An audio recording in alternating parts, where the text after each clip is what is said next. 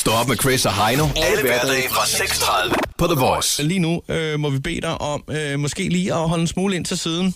Ja. Tænde havariblinket, løsne op for selen, og så ellers skrue lidt ekstra op for din radio, for vi skal i gang med det, man i folkemunden kalder for en erotisk novelle. Og vi, øh, vi advarer imod øh, øh, stødende øh, sprogbrug. Og stærke scener.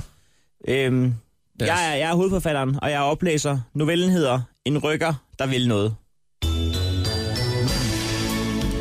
Det er fredag eftermiddag på Anemonevej i Forborg.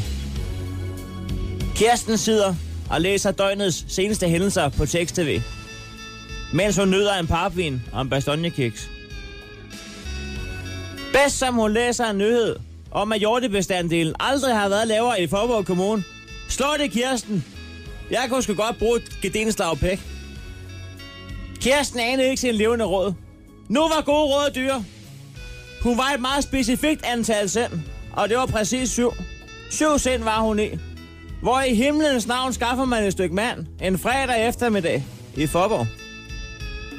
Blinddating.dk Kirsten oprettede en profil, og 20 minutter efter var der bed. En mandsperson reagerede på Kirstens annonce. Langhåret miskat føler sig forladt og søger et slag i nat, havde hun skrevet. En anonym skrev. Hvad så, er det miskatten? Kirsten svarede, nej, det er Kirsten, nede fra en morgenvej. Er det dig, Kirsten? Jeg skulle faktisk lige til at sende dig en bøde. En bøde, skrev Kirsten.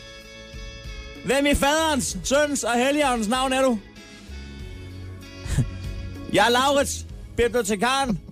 Ned for, ned for biblioteket. Du mangler aflevere to bøger, Kirsten. Der er forfalden dato. Det drejer sig om, hvordan får jeg styr på BH-værdien i skrevet træ, og turen går til Kolding. Jeg kommer ned og ned med det samme. Kirsten stormer ud af døren.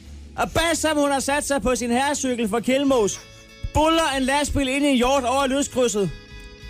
Kirsten mister mod og går op og spiser en bastonjekiks. Stå op med Chris og Heino. Alle hverdage fra 6.30 på The Voice.